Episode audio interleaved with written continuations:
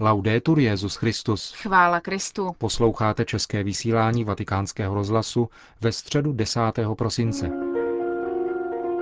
V katechezi při dnešní generální audienci v aule Pavla VI. hovořil Benedikt XVI. o svátostech u svatého Pavla. E Drazí bratři a sestry, ve stopách svatého Pavla jsme v minulé středeční katechezi viděli dvě věci. Za prvé, naše lidské dějiny jsou od počátku zamořeny zneužitím stvořené svobody, která má v úmyslu emancipovat se od boží vůle a tak nenachází pravou svobodu, ale staví se proti pravdě a v důsledku toho falzifikuje naši lidskou skutečnost. Falzifikuje především základní vztahy mezi člověkem a Bohem, mezi mužem a ženou, mezi člověkem a zemí. To je první věc. Druhá, od svatého Pavla jsme se naučili, že existuje nový začátek dějin a v dějinách, v Ježíši Kristu, člověku, který je člověkem i Bohem. V něm, který přichází od Boha, začínají nové dějiny, tvořené jeho přitakáním Otci. Tvořené nikoli píchou, falešnou emancipací, ale láskou a pravdou. Nyní se však klade další otázka.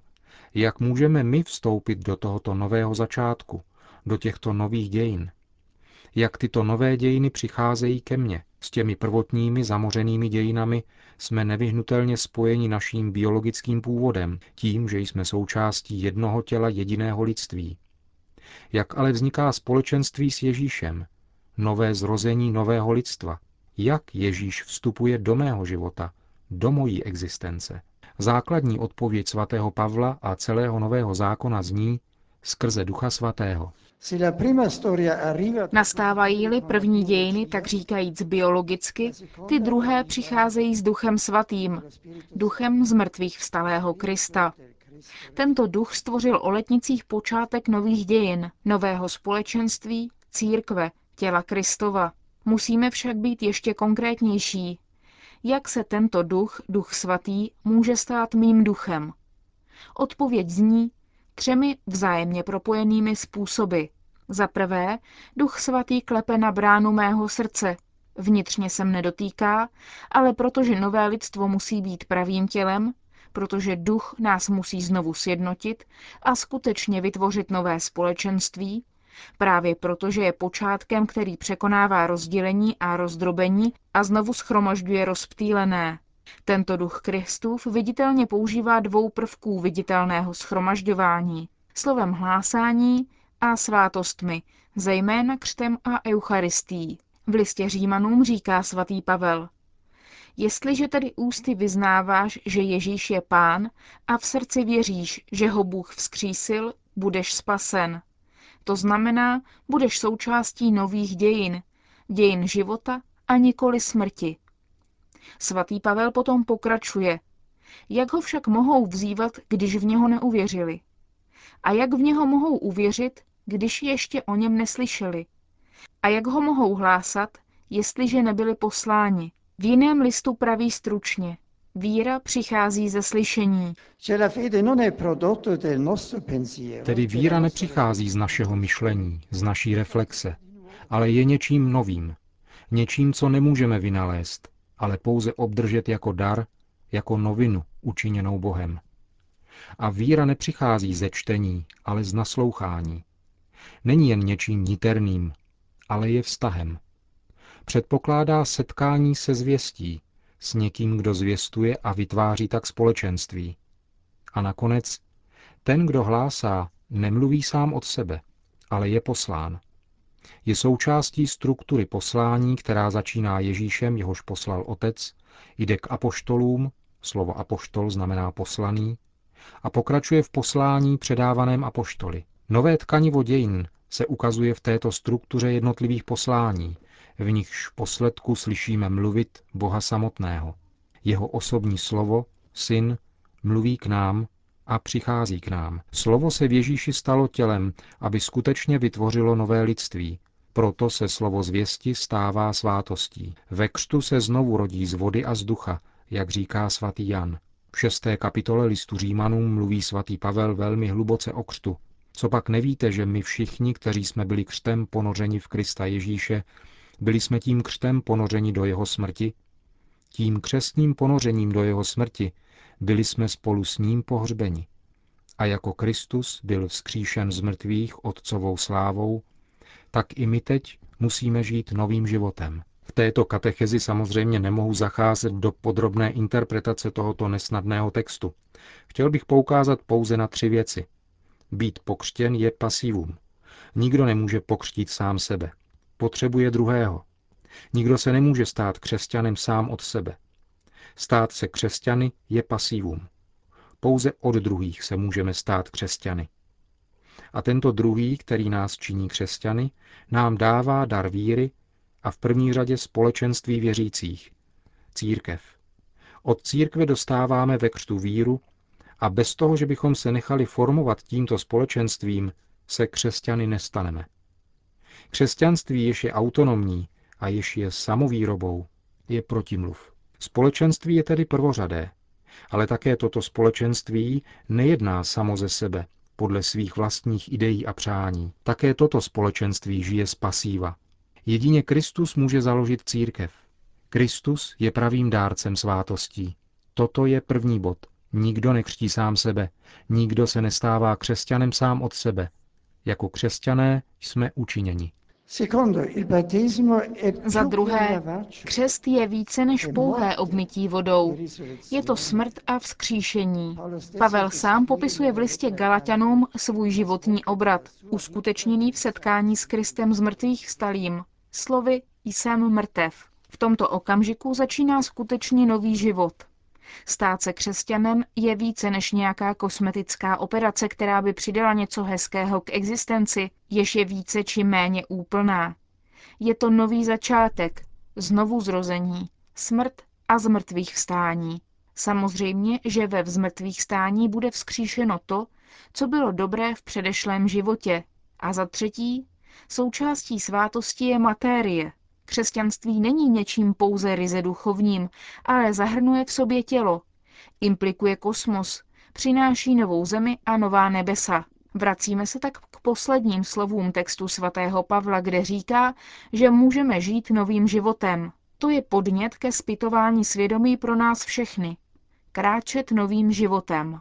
To byl křest a nyní přejdeme ke svátosti Eucharistie, v minulých katechezích jsem již ukázal, s jak hlubokou úctou svatý Pavel předává doslova tradici o Eucharistii, kterou obdržel od samotných svědků poslední noci. Předává tato slova jako drahocený poklad, svěřený jeho věrnosti. A tak slyšíme v těchto slovech skutečné svědky této poslední noci. Poslechněme si slova apoštola Pavla, který říká, co jsem od pána přijal, v tom jsem vás také vyučil. Pán Ježíš právě tu noc, kdy byl zrazen, vzal chléb, vzal díky, rozlámal ho a řekl, toto je moje tělo, které se za vás vydává. To čiňte na mou památku. Podobně vzal po večeři i kalich a řekl, tento kalich je nová smlouva, potvrzená mou krví.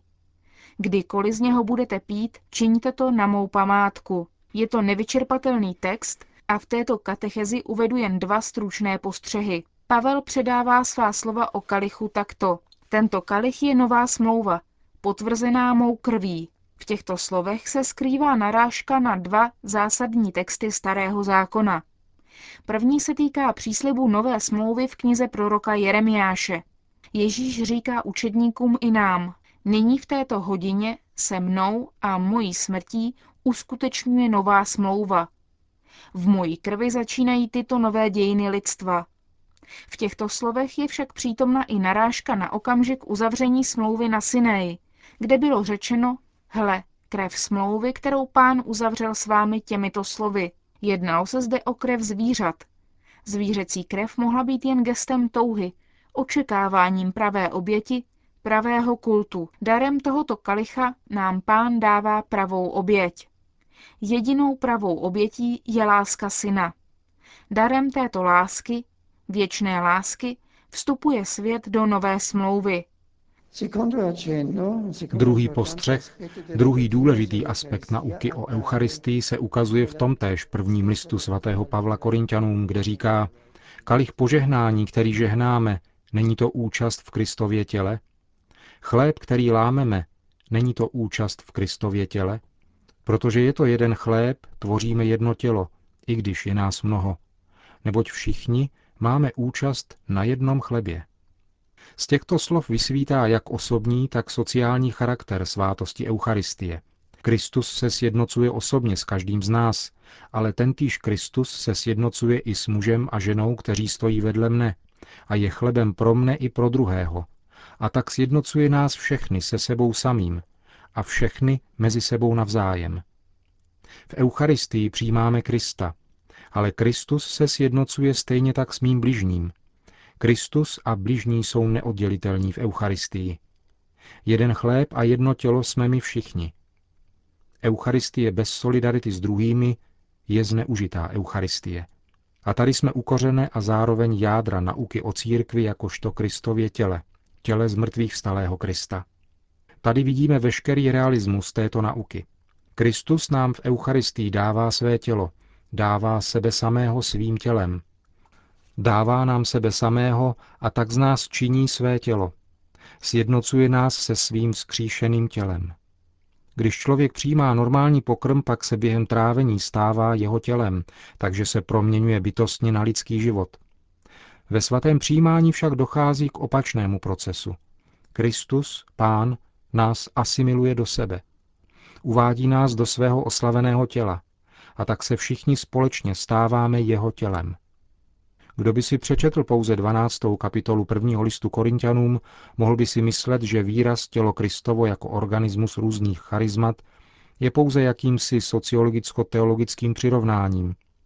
A v římské politologii tento symbol s různými údy, které tvoří celek, skutečně byl používán k popisu samotného státu, aby se tak vyjádřilo, že ve státě má každý svou funkci a mnoho z různých funkcí vytváří jedno tělo a každý má své místo. Po přečtení pouze této 12. kapitoly by bylo možno si myslet, že Pavel sděluje pouze toto a že se tedy jedná o jakousi sociologii církve. Ale vezmeme-li do úvahy tuto desátou kapitolu, vidíme, že realismus církve je zcela odlišný, mnohem hlubší a pravdivější než organismus státu, protože Kristus nám opravdu dává svoje tělo a činí z nás svoje tělo. Stáváme se skutečně jedno s tělem skříšeného Krista, a tak jsme sjednoceni také vzájemně. Církev není pouhou korporací jako stát, ale je tělo. Není organizací, ale je organismem. Na závěr jen krátká zmínka o svátosti manželství. V listu Korintianům se nachází jen několik narážek, zatímco v listu Efezanům je podána skutečně hluboká teologie manželství. Pavel tady definuje manželství jako tajemství a říká, tajemství je veliké, mám na mysli vztah Krista a církve. Je třeba zdůraznit určitou reciprocitu, která se vytváří ve vertikální dimenzi. Vzájemné podřízení si musí osvojit jazyk lásky, která má svůj vzor v lásce Krista vůči církvi.